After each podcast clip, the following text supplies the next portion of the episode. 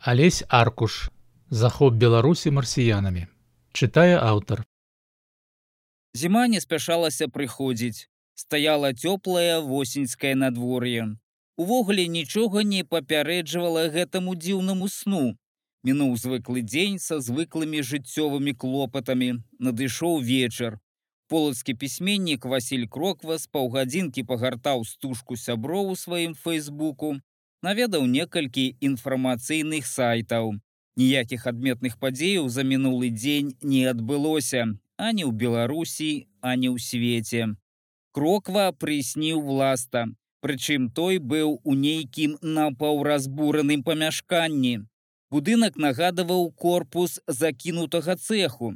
У сярэдзіне будынка ўся падлога была засыпаная друзам. Праз прабойну ў сцяне Васіль пабачыў абрысы полацкай каменнай пажарнай вежы. Значыць, гэта недзе ў раёне помніка семіёну полацкаму, падумаў ён. Але там няма ніякіх прамысловых аб'ектаў, хіба што толькі гаражы мясцовай пажарнай часткі.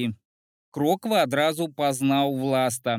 Ластоўскі быў дакладна такі, як на класічным фотаздымку, у сціплым шэрым гарнітуры з вузкай стужачкай гальштука. Мужчыны павіталіся, але толькі на словах. Власт руку не падаў, а кроква не насмеліўся гэта зрабіць. Пры гэтым абодва размаўлялі неяк тэлепатычна, іх вусны былі нерухомыя. Тады крокве гэта не падалося незвычайным. Толькі на раніцу, асэнсоўваючы сон, ён згадаў гэтую дзіўную акалічнасць. Власт паклікаў крокву ісці за ім. Яны мінулі цэнтр закінутага памяшкання. Роўна ў сярэдзіне будынка у столі была дзірка, праз якую на падлогу амаль вертыкальна падаў прамень.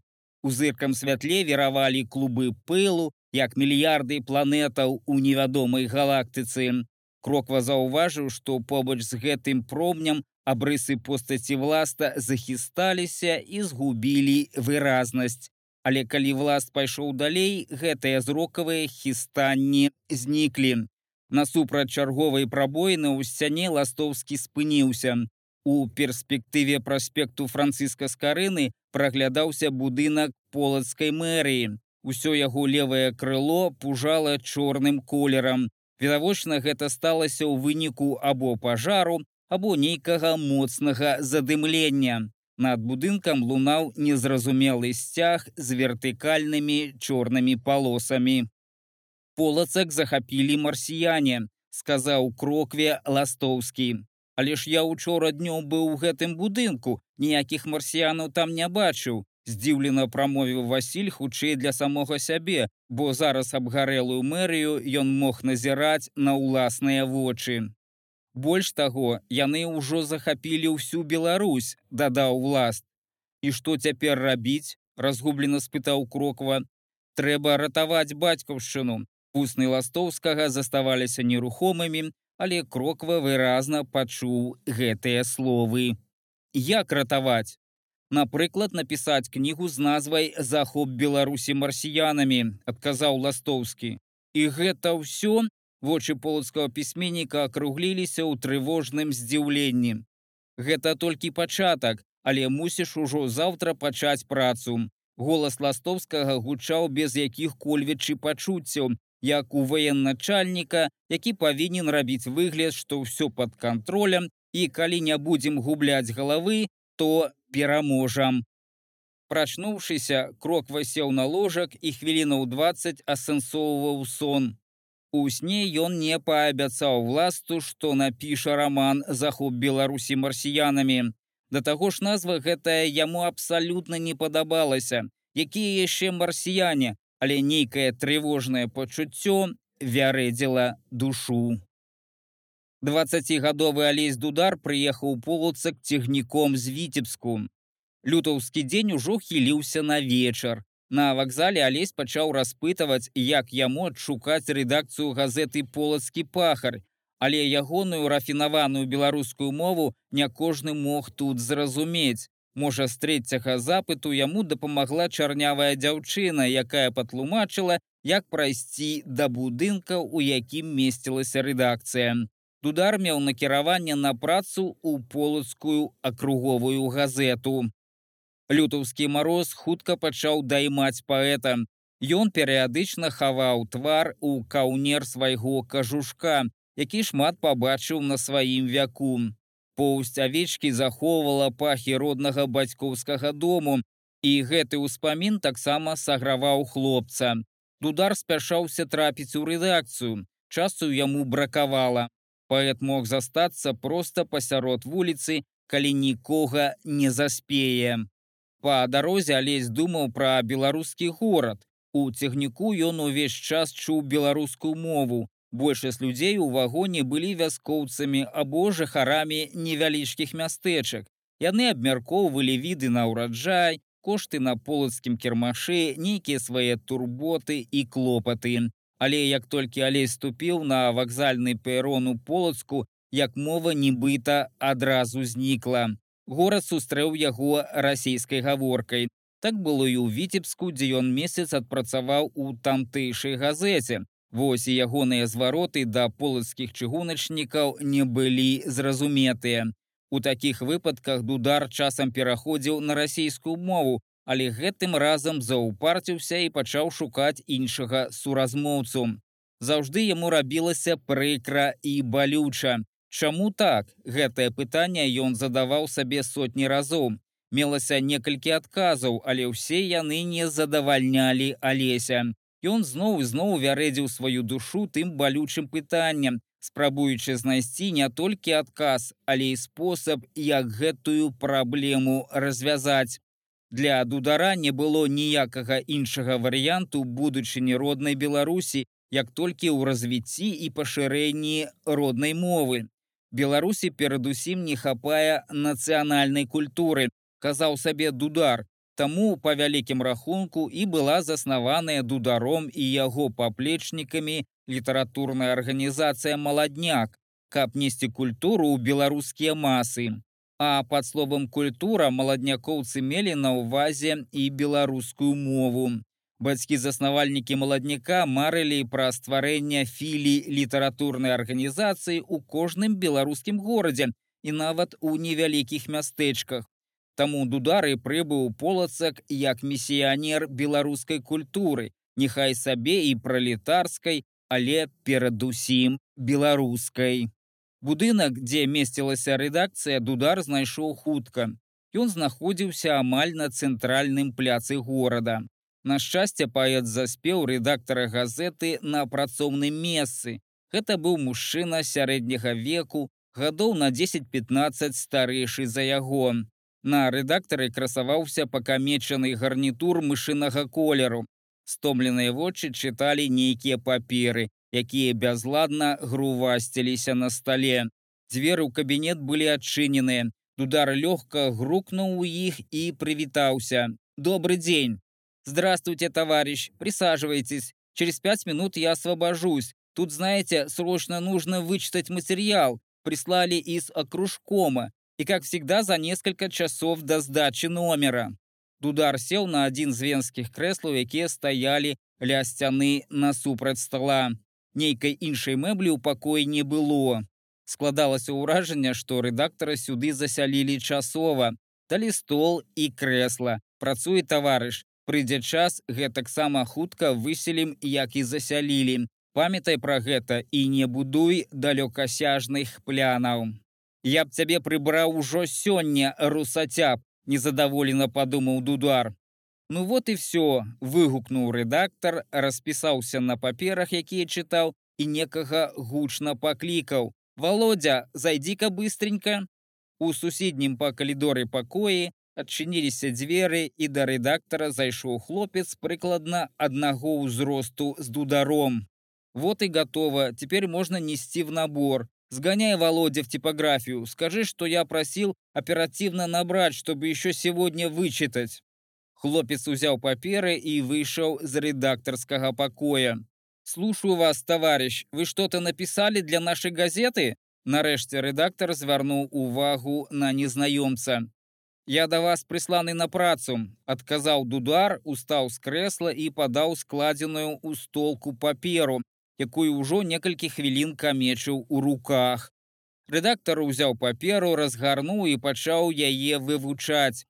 Ён прачытаў усё да канца і нават надпіс на пячатцы агітацыйна-прапагандысцкага аддзелу віцебска акружкама. «Вот и отлично», — сказал редактор. «Нам как раз нужна помощь. Мы ждали вас. Нам звонили из Витебска. Сейчас я вам напишу бумагу, чтобы вас поселили в общежитие. Это тут рядом. Володя вас проведет». Редактор пачаў пісаць паперу з просьбай пасяліць новага працаўніка газеты. Тудар устаў з крэсла і падышоў да вакна. На вуліцу ўжо шарэла. Сонца няспешна кацілася за званіцай вялікага сабору, які стаяў на другім баку пляцу. Васіль Кроква быў фрылансерам, пісаў для некалькіх газетаў. Гэта дапамагала яму ўтрымліваць сям'ю. Занятак літаратуры ў Беларусі ў 21 стагоддзі амаль не прыносіў прыбытку. Гэта хутчэй было пакліканне. Беларусь заўсёды трымалася на літаратуры і паўстала з літаратуры.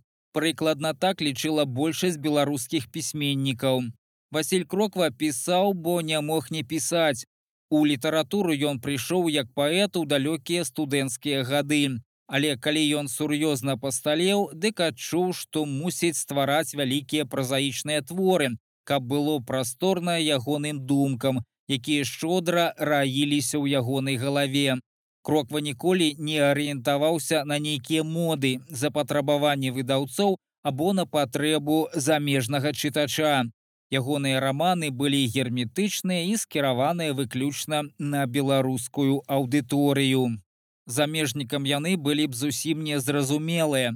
Таму кроква цураўся модных літаратурных тусовак і хаваўся ад усяго свету у ціхамірнай правінцыі. Пасля сканчэння універсітэту ён адмыслова ўзяў размеркаванне ў полацак. Тут ён стварыў сям'ю, стаў журналістам і напісаў свае лепшыя літаратурныя творы. Кроква верыў у свой лёс. Лёс трэба вычуваць і не імкнуцца рабіць тое, што табе не наканавана. Васілю здавалася, што калісьці ў іншым жыцці ён ужо жыў у полацку. Кроква быў перакананы, што ў нейкіх таемных куточках яго мозгу захоўваюцца ўспаміны пра гэта. Часам яны фрагментарна адкрываліся ў начных відзежах, таму ён вельмі сур'ёзна ставіўся да сноў. Толькі ў адрозненні ад традыцыйнага іх успрымання як нейкага зашыфраванага прадказання будучыні, кроква бачыў у снах напамін пра мінулыя падзеі, якія нікуды не знікаюць, а дзесьці існуюць у іншай рэальнасці. Сон, у якім ён сустрэўся з ластоўскім, выбіваўся са звыклага ўспрыняцця снення, да якога звыкся Васіль. Ластоўскі не быў з мінулага. Гэта абсалютна дакладна зразумела крокве. І прычым тут марсіяне, ніякіх больш-менш сэнсоўных тлумачэнняў сну кроква не знаходзіў. Васіль дзеля цікавасці схадзіў мэрыю, наведаў аддзел капітальнага будаўніцтва, дзе ўзяў інфармацыю пра ўзвядзенне новага супермаркету у мікрараёне аэрадром, дзе ён жыў. Мэрія была такая ж самая, як учора і пазаўчора. Ніякіх слядоў пажару на будынку не было. Кроква нават пашукаў месца, адкуль ён з ластоўскім аглядаў будынак мэрыі але такога месца не існавала ў прыродзе, бо калі глядзець на будынак з праспекту францішка з карыны, то бачны толькі адзін бок мэріі, а не ўвесь будынак. Уладзік Скуратович аказаўся добрым хлопцам, і пакуль яны разам ішлі ў інтэрнат, тудар амаль пасябраваў з ім. А ты все время говоришь по-беларускі. Гэта было другое пытанне, якое задаў дудару яго новы знаёмец. Ну а як я павінен гаварыць, калі я беларус і жыву ў Беларусі? Такія пытанні заўжды нервавалі юнака, але гэтым разам алесь трымаўся і не пачаў дыскутаваць. Так то так, толькі в беларускіх гарадах практически все не говорят по-беларускі. Вот и наша газета выходит по-русски. Да поры да часу. Рэвалюцыя разняволіла народы і беларусы пачынаюць адраджаць сваю бацькаўшчыну. А якая бацькаўшчына без матчынай мовы. З каламбураў дудар засмяяўся і прадэкламаваў. Понеслася песня волі між лясоў густых болот. О, это строки Михася Чарота. Он выступал в Полоцке, читал свою поэму «Босые на вогнішчы». А ты хоть видел живого Чарота? Не толькі бачыў, але разам з ім працаваў у газеце «Савецкая Беларусь» і разам ствараў маладняк. Можна сказаць, што гэта мой сябар. Да ну, здзівіўся ўладзік. Так ты, наверное, паэт. Уладзік спыніўся і пачаў пільна аглядаць дудара. Даць веры таму, што гэты хлопец у пацёртым кажушку таксама паэт было цяжка. Не наверное, а паэт Алесь дудар. Мае вершы ўжо друкаваліся ў савецкай Беларусі. А хутка выйдзе моя першая кніга Беларусь бунтарская. Ух ты, яшчэ больш здзівіўся ўладзік. Почитаешь мне когда-нибудь? Признаюсь, я тоже пробовал писать стихи, и даже некоторые из них были напечатаны в нашей газете. Но мне кажется, они не совсем удачные, чего-то в них не хватает. Ах, это тому, что пишешь не народной мове. Ты думаешь по-беларуску, гэтаксама як твои бацькі и дзяды, а верши пишешь по-расейску. Тому и не атрымліваецца. Верши твои нараджаются калеками. У іх няма моўнай мастацкай дакладнасці і прыгажосці. Разумееш? Возможно, оно і так, пагадзіўся ўладзік. Вось створым у полацку філію маладняка і пачнем адпаведную працу. Прыедуць нашыя хлопцы, пачытаюць лекцыі, пора полацку ставаць на нацыянальныя культурніцкія рэйкі. Дудар меў даручэнне ад цэнтральнага бюро маладняка стварыць у полацку філію, як гэта ён ужо зрабіў у віцебску. Навокал зусім стала цёмна. Бадзёра рыпеў снег под нагамі. Уладзік прывёў свайго новага калегу ў адзін з будынкаў былога езуіцкага калегіуму, які быў пераабсталяваны пад інтэрнат. Тут жылі пераважна вайскоўцы і навучэнцы 43 полацкіх камандных курсаў, але спыняліся і розныя цывільныя камандзіраваныя. Пахадзіўшы па нейкіх закутках, уладзік прывёў мажную кабету, якая загадывала гаспадарчай часткай. Тудар паказаў ёй паперу ад рэдактара, кабета прачытала і павяла паказваць алесю ягоны ложак. Кроква любіў ластоўскага, а ягоную аповесць лябірынты лічыў сваёй настольнай кнігай. Пры канцы 80-х, калі власта ягоную літаратурную спадчыну нарэшце рэабілітавалі і надрукавалі ў часопісе маладосць, кроква збрашураваў часопісныя старонкі і зрабіў кнігу.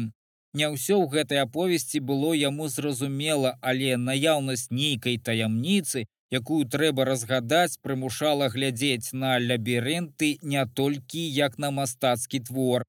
Гэта азначала, што да аповесці трэба было вяртацца зноў і зноў. Кроква быў упэўнены, што ластоўскі нешта зашыфраваў у лябірынтах, нешта вельмі істотнае ды эзотэрычнае. Тое, што ў полацку былі, а можа і зараз ёсць падземныя хады, не было адкрыццём. У любым старым беларускім горадзе знойдуцца свае ўласныя легенды пра сутарэнні і лёхі. Звычайна іх будавалі ў крэпасцях і кляштарах. Гэта дазваляла заможным асобам або мніхам пры небяспецы пакінуць сваё жытло незаўважна. У гэтых сутарэннях таксама хавалі ад хцівага бока скарбы і каштоўныя рэчы. Полацак быў поўнай легендаў пра падзямеллі. З краязнаўчых кніг нават былі вядомыя ўспаміны людзей, якія на пачатку два стагоддзя у тых лёхах пабывалі. Васіль верыў гэтыя легенды. Больш таго ён лічыў, што ў тых лёхах да сёння перахавана нешта вельмі істотнае для полацка. Магчыма, нават полацкі летапіс, пра які ўсе казалі, што ён страчаны назаўсёды. Але як тыя лёгкі адшукаць?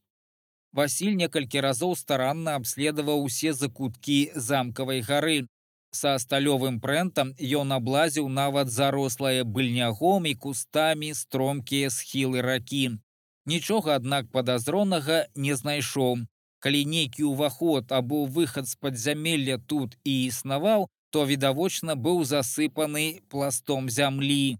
Кроква вылічыў і месца, з якога ластоўскі з падземным чалавекам спускаўся ў полацкія лёхі. Недзе побач з тым лазам стаяў некалі будынак базыльянскага кляштару. Цалкам магчыма, што ластоўскі спускаўся ў падзямелле са склепу таго будынка, бо ўсе манастырскія камяніцы ў полацку мелі свае дрэнажныя лёгкі для атоку грунтовай вады. Некаторыя мелі такую вышыню, што па іх можна было, сагнуўшыся, вольна хадзіць. Стварыць філю маладняка ў полацку аказалася яшчэ складаней, чым у віцебску. Тудар абышоў все установы культуры і адукацыі ў горадзе ў пошуках патэнцыйных сяброў літаратурнай арганізацыі. Але знайсці творчых людзей у правінцыйным зрусіфікаваным полацку было не так проста. Найбольшае расчараванне дудара чакала ў мясцовым петэхнікуме. Тут ён меў гутарку з выкладчыкам Александрам Шолкам, які наўпрост сказаў юнаку, каб той не баламуціў навучэнцаў і ўвогуле палачанаў, бо беларусы не принимают в обиход этот язык. С таким нахрапістым адмаўленнем дудар сустрэўся упершыню. Ведаем, адкуль вы набраліся гэтых думак, але ранейшыя часы не вернуцца, як бы вы не хацелі і не імкнуліся іх вярнуць. Са злосцю прамовіў дудар. Словы гэтыя яму даліся ў знакі, бо пчолка напісаў скаргу ў акружны камітэт. Маўляў, грамадзянін Дайлідовіча яго абражаў і абвінавачваў невядома ў чым, ледзь не ў контррэвалюцыі. Насамрэч пільны выкладчык толькі зрабіў вымову юнаку за тое, што той без дазволу цягаўся па педтэхнікуму і бунтаваў навучэнцаў. Тудара выклікалі ў агітацыйна-прапагандысцкі камітэт акружкама, дзе яму прыйшлося даваць тлумачэнні.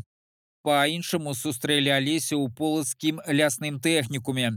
Тут пераважна вучыліся вясковыя дзеці таму скрозь гучала беларуская мова. У лястэхнікуме перыядычна адбываліся розныя імпрэзы, сустрэчы і вечарыны. Дудар задавальненнем іх наведаваў. Аднойчы ён і сам быў запрошаны выступіць перад навучэнцамі.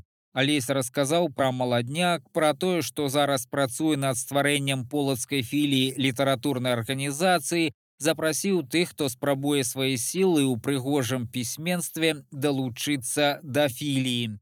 Пасля сустрэчы да яго падышлі два навучэнцы.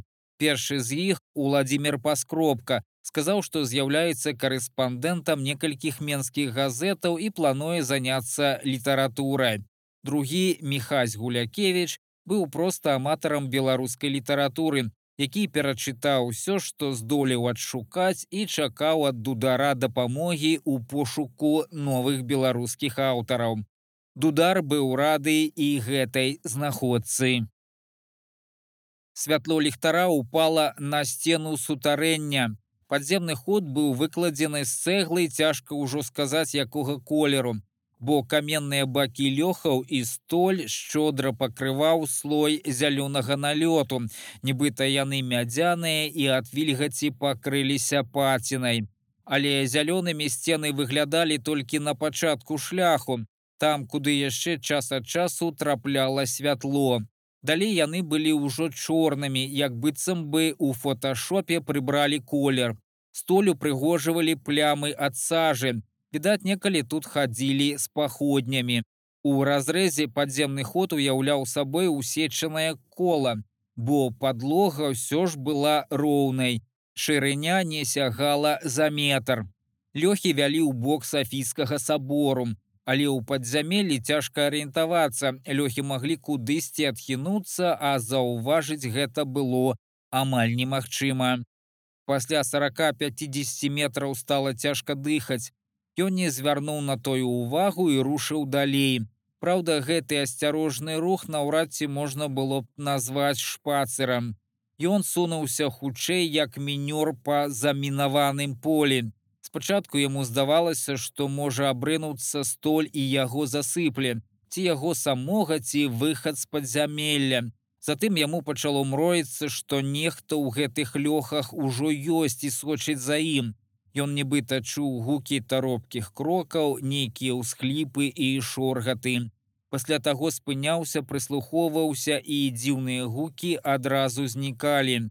Нібыта той ці тыя, хто былі ў лёхах, у мэн заціхалі. Ён ужо пачаў шкадаваць, што пацёк усё падзямелле адзін. Навошта было так рызыкаваць, але не хацелася ні з кім дзяліцца гэтым адкрыццём. Апошнім часам ён нікому не давяраў. Нехта зусім падсеў на грошы, нехта проста стаў падазроным, нехта спіўся і дэградаваў. Не, давяраць не было каму. Ён не мог так рызыкаваць, усё трэба рабіць самастойна. І не толькі таму, каб сабраць усе лаўры. Не было ўпэўненасці, што хтосьці не захоча пагрэць руки на схаваным тут ад хцівых позіркаў. Дыхаць стала зусім цяжка. Ён спыніўся і адчуў, як гулка тахкае сэрца ў грудзёх. Здаецца, яго стук разлятаўся па ўсім падзямеллі. Затым яго хіснула і падалося, што сэрца спынілася. Як быццам быў тэлевізар і раптам на экране з'явіліся перашкоды ў суправаджэнні гучнага свісту. Гэты свіст імкліва нарастаў і ён адчуў, што траціць прытомнасць. Праца ў газеце не была цяжкай.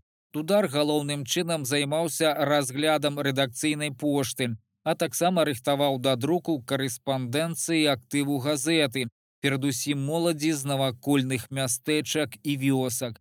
Гэта было зручным стратэгічным месцам для стварэння філіі. Праўда, адна справа напісаць нататачку ў газету з тузінам памылак, да таго ж на трасянцы і зусім іншая мастацкі твор. Але дудар прынамсі ўжо ведаў некалькі чалавек, якія маглі больш-менш змястоўна і гладка выкладаць на паперы свае думкі. Больш за ўсё яго раздражняў іншы бок працы. Газета была расійскамоўнай, і таму даводзілася страсцянкі перакладаць на расійскую. А гэта азначала, што ён як бы сам русіфікаваў маладых людзей, паказваючы, дзе яны памыляюцца, пішучы па-расейску. Разуменне гэтага свайго дэструктыўнага чыну бывала даводзіла яго да шалу. Ён некалькі разоў парываўся завесці гутарку з рэдактарам пра перавод газеты на беларускую мову. Але рэдактар і слухаць не хацеў, тлумачачы, што такое пытанне вырашаецца нават не ў полацкім акругкамі. Існавала, аднак добрая магчымасць працаваць і ў іншым кірунку. Гэта адбывалася пры непасрэдным кантакце з аўтарамі газеты. Па-першае, дудар усіх запрашаў у філію маладняка, якую яму даручана стварыць цэнтральным бюро літаратурнай арганізацыі. Па-другое, ён усіх намаўляў вучыць беларускую мову і спрабаваць пісаць на ёй, бо як тлумачыў малады менскі паэт, все адно з часам полацкая газета пяройдзе на беларускую мову, то варта ўжо зараз пачаць гэты працэс знізоў селькораў і рабкораў. Выдатным падарункам дудару стаў выхад у менску яго першага зборніка вершаў Беларусь бунтарская. Гэта значна павысіла ягоны аўтарытэт у вачах полацкага кіраўніцтва і сярод полацкай моладзі. Цяпер дудару даручалі ўкладанне літаратурнай старонкі ў тутэйшай газеце і натуральна ў ёй стала з'яўляцца значна больш беларускамоўных твораў. Тудара таксама актыўна пачалі запрашаць на сустрэчы ў школкі іншыя навучальныя установы у працоўныя калектывы. Ён ужо паспеў выступіць не толькі ў самім полацку, але і ў ветрыне і дрысе. Паўсюль ён шукаў патэнцыйных сяброў стваранай філіі маладняка. Праўда, вынікі гэтых пошукаў былі сціплымі. Як высветлілася, паэты і празаікі не нараджаюцца самі па сабе, іх ствараюць і вырошчваюць, і для гэтага патрэбныя адпаведныя умовы. Выраз узняцца на гару для Васіля кроквы не з'яўляўся нейкім абстрактным і умоўным а быў абсалютна канкрэтным і азначаў узняцца на полацкую замкавую гару, на якой дамінуючы над усім наваколля стаяў сафійскі сабор. Найбольш пісьменніку падабалася ўздымацца на гару з боку запалоця. У гэтым пад'ёме быў нейкі рытуал прайсці па мастку праз палату, пабачыць, як меншая рака сустракаецца з большай і няспешна прыступка за прыступкай узысці на гару. Пры гэтым добра ўсведамляючы, што ў скрай гары некалі ішла драўляная абарончая сцяна. І каб трапіць у верхні замак, трэба было прайсці праз браму з вежай, якая як казачны волат ахоўвала ўваход у сэрца горада. Гэтым разам Васіль не шукаў уваход у падзямелля. Ён прыйшоў сюды, каб паразважаць і падсілкавацца ад гэтай тысячагадовай крыніцы энергіі. Кроква сеў ля камля бярозы, якая расла амаль ля самага краю гары над вусцем палаты. Адсюль быў добра бачны новы мост праз дзвіну. Падчас яго будаўніцтва рабілі насыпную дарогу на мост, якая прайшла якраз пасярэдзіне былых михайлаўскіх могілак. Гэта было жахлівае відовішча. Налева і направа ад дарогі ляжалі драўляныя рэшткі тронаў, а часам і цэлыя троны, чалавечыя косткі і старыя надмагільныя помнікі. Васіль некалькі разоў пісаў у газеты, у тым ліку і сталічныя, пра будаўнічае барбарства але дамогся адно таго, што ўсе гэтыя спадарожныя знаходкі будаўнікі хуценька прыбралі. Пакінуўшы незразумела чаму толькі два надмагільныя помнікі. Адзін нейкаму стацкаму саветніку пагодзіну, другі маладой палачанцы, якая пайшла жыцця ў 18гадовым узросце. Гэтыя помнікі яшчэ некалькі гадоў ляжалі побач з новай дарогай. Затым і яны некуды зніклі. Праваслаўныя михайлаўскія могілкі зруйнавалі саветы ў 30-х годах, калі пашыралі полацкі аэрадром. Зруйнавалі з зямлёй не толькі магілы, але і саму михайлаўскую царкву, якая месцілася пасярод старых кладоў. Самалёты з савецкімі зоркамі на крылах і фізюляжах узляталі тут проста над трунамі, косткамі і над магільнымі помнікамі. Кроква паспрабаваў гэта ўявіць і па ўсім яго целе пабеглі нервовыя мурашы. Ад старых жыхароў запалоцця ён неаднойчы чуў страшныя гісторыі, звязаныя з гэтым трагічным месцам. Тут почасту адбываліся розныя жахлівыя здарэнні, забойствы і згвалтаванні. І неаднойчы бачылі ўсялякія дзіўныя з'явы. Вось і цяпер найбольш дарожных аварый у полацку здараецца менавіта на гэтым здавалася б абсалютна бяспечным участку дарогі на новы мост. Нешта ёсць у гэтым свеце, што нараджаецца і дзейнічае тысячыгоддзі, нягледзячы на ўсе грамадска-палітычныя змены і закалоты, разважаў кроква, прытуліўшыся спінай да камля бярозы. І відаць, гэта значна больш істотнае, чым розныя партыі, грамадскія рухі і аўтарытарныя рэжымы. Хаця з іншага боку менавіта аўтарытарныя рэжымы і пакідаюць пасля сябе такія жахлівыя анамальныя мясціны, учыніўшы гвалты злачынства, парушыўшы святыя традыцыі і запаветы дзядоў. Кроква не быў зацятым антыкамуністам, Ён хутчэй прытрымліваўся сваёй тэорыі добра і зла, святла і цемры. Паводле яго у кожным асяроддзі сярод прыхільнікаў любых ідэяў і перакананняў ёсць светлыя і цёмныя людзі, калі не лічыць зусім ужо дэманічных і вар'яцкіх, а такіх крокава ўважаў проста за небяспечна хворых. Бо нават сярод нямецкіх акупантаў часоў другой сусветнай вайны былі светлыя людзі, Адзін з такіх немцаў папярэдзіў дзеда кроквы, што яго на раніцу арыштуюць і такім чынам уратаваў усю дзедаву сям'ю, якая ўночы выехала ў партызанскі лес. Уратаваў і яго бацьку, які быў тады малым хлопчыкам і атрымліваецца, уратаваў і яго крокву.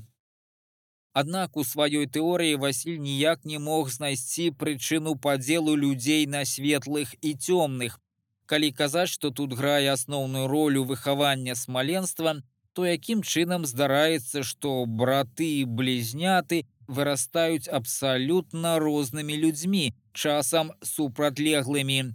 Як так атрымліваецца, што святыя айцы і мніхі, якія палову жыцця правялі ў сумоўе з Богом, раптам здзяйсняюць жудасныя злачынствы, як патлумачыць дзеянні зацятых вернікаў, калі яны за ахвотай дапамагалі нямецкім карнікам знішчаць габрэю. Падобна, што прычына падзелу на светлых і цёмных палягае значна глыбей, а прыкметы прыналежнасці захоўваюцца магчыма ў генах. Або людзі не паміраюць, а толькі мяняюць цялесную абалонку і ўсе свае назапашаныя якасці, што раз пераносяць з сабой у новую чалавечую істоту. Кроква дастаў з невялікай сумкі, якую насіў на раменчыку праз плячо нататнік і сваім мудрагелістым почеркам запісаў: Людзі, магчыма, не паміраюць, а толькі мяняюць свае цялесныя абалонкі. Затым ён спусціўся з гары з таго самага боку, з якога і падняўся, і пашыбаваў спорным крокам у бок свайго мікрараёна. Чарговы выклік у полацкі акруговы камітэт не абяцаў дудару нічога добрага. Пачуццё трывогі нарастала з кожным няроўным крокам, якім ён набліжаўся да адпаведнага будынка. Мінулы раз ён меў сведкаў студэнтаў педтэхнікуму, якія яго вадзілі па навучальным корпусе. Таму данос пчолкі аказаўся марным. Студэнты пацвердзілі, што ніякім чынам алесь выкладчыка не абражаў, толькі сказаў, што царскія часы ніколі ўжо не вернуцца, а савецкая Беларусь будзе спрыяць нацыянальнай культуры, а значыць і мове. Пра гэта можна прачытаць у любой сталічнай газеце на першай паласе. Гэта была, можна сказаць, генеральная лінія камуністычнай партыі ў нацыянальным пытанні. Таму у акруговым камітэце ніякім чынам не маглі аспрэчыць словы дудара, тым больш палічыць іх за абразу, нават калі і не былі прыхільнікамі беларускага адраджэння. Прачуванне алеся не падманула. Гэтым разам сітуацыя была больш складанай. Дудару паказалі ананімку, у якой невядомы добразычлівец паведамляў у акругкам, што Александр Дайлідович, супрацоўнік газеты полацкі пахарь, Ён жа паэт Алесь Дудар падчас наведвання ветрына называў кіраўніцтва полацкай акругі русацяпамі, якія сабатуюць палітыку беларусізацыі, не хочуць пераводзіць сваю газету на беларускую мову, нічога не робяць у сферы адукацыі. Казаў, што неўзабаве камсамол такіх савецкіх работнікаў пагоніць бруднай мятлой. Гэта быў удар пад дых, бо цяпер абражанымі рабіліся работнікі полацка акругкаму. Няцяжка ўявіць, якая адбылася размова і чым пагражалі дудару. Алесь усё аспрэчваў і казаў, што гэта хлусня і чыстай вады правакацыя. Бо калі б чалавек меў сапраўдныя факты, то навошта яму пісаць ананімку. У камітэце паабяцалі сур'ёзна разабрацца і прыняць меры меры маглі быць надзвычай радыкальнымі. Назаўтра ў полацак прыехаў сам кіраўнік маладняка, да таго ж галоўны рэдактар газеты Савецкая Беларусь Мехашчарот. Яго візіт абудзіў правінцыйны полацак. Паэта сустрэлі як шаноўнага госця, нават наладзілі яму вечарыну ў камсамольскім клубе. Чарот меў шчырую гутарку з кіраўніцтвам акруговага камітэту і паручыўся за свайго маладога калегу Алеся Дудара.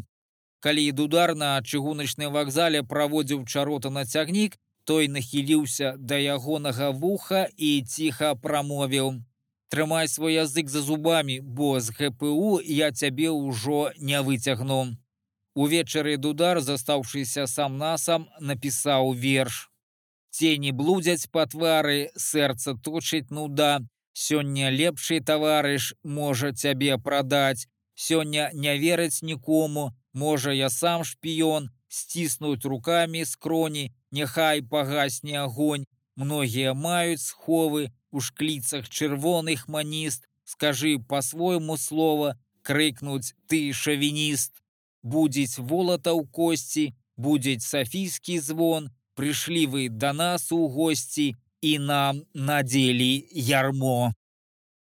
Збоку запалоцця непадалёку ад вусця палаты, прычаленым да дзвінскага берагу стаяў дракар. Тут досыць нізкі бераг, крыху топкі, бо шчодра б'юць крыніцы. Таму дракар, які відаць на хуткасці ўехаў у бераг, ці не на палову корпусу, аказаўся сярод берагавога аеру. Гэта дазваляла амаль па-сухому трапіць на карабель. Затое, каб адчалі, спатрэбіліся б цягліцы ці не тузіна мужчын, бо саштурхнуць дракар на ваду цяпер было не так проста. Побач з дракарам нікога не было. У такую раніцу хіба што рыбака можна сустрэць у гэтай ціхамірнай мясціне.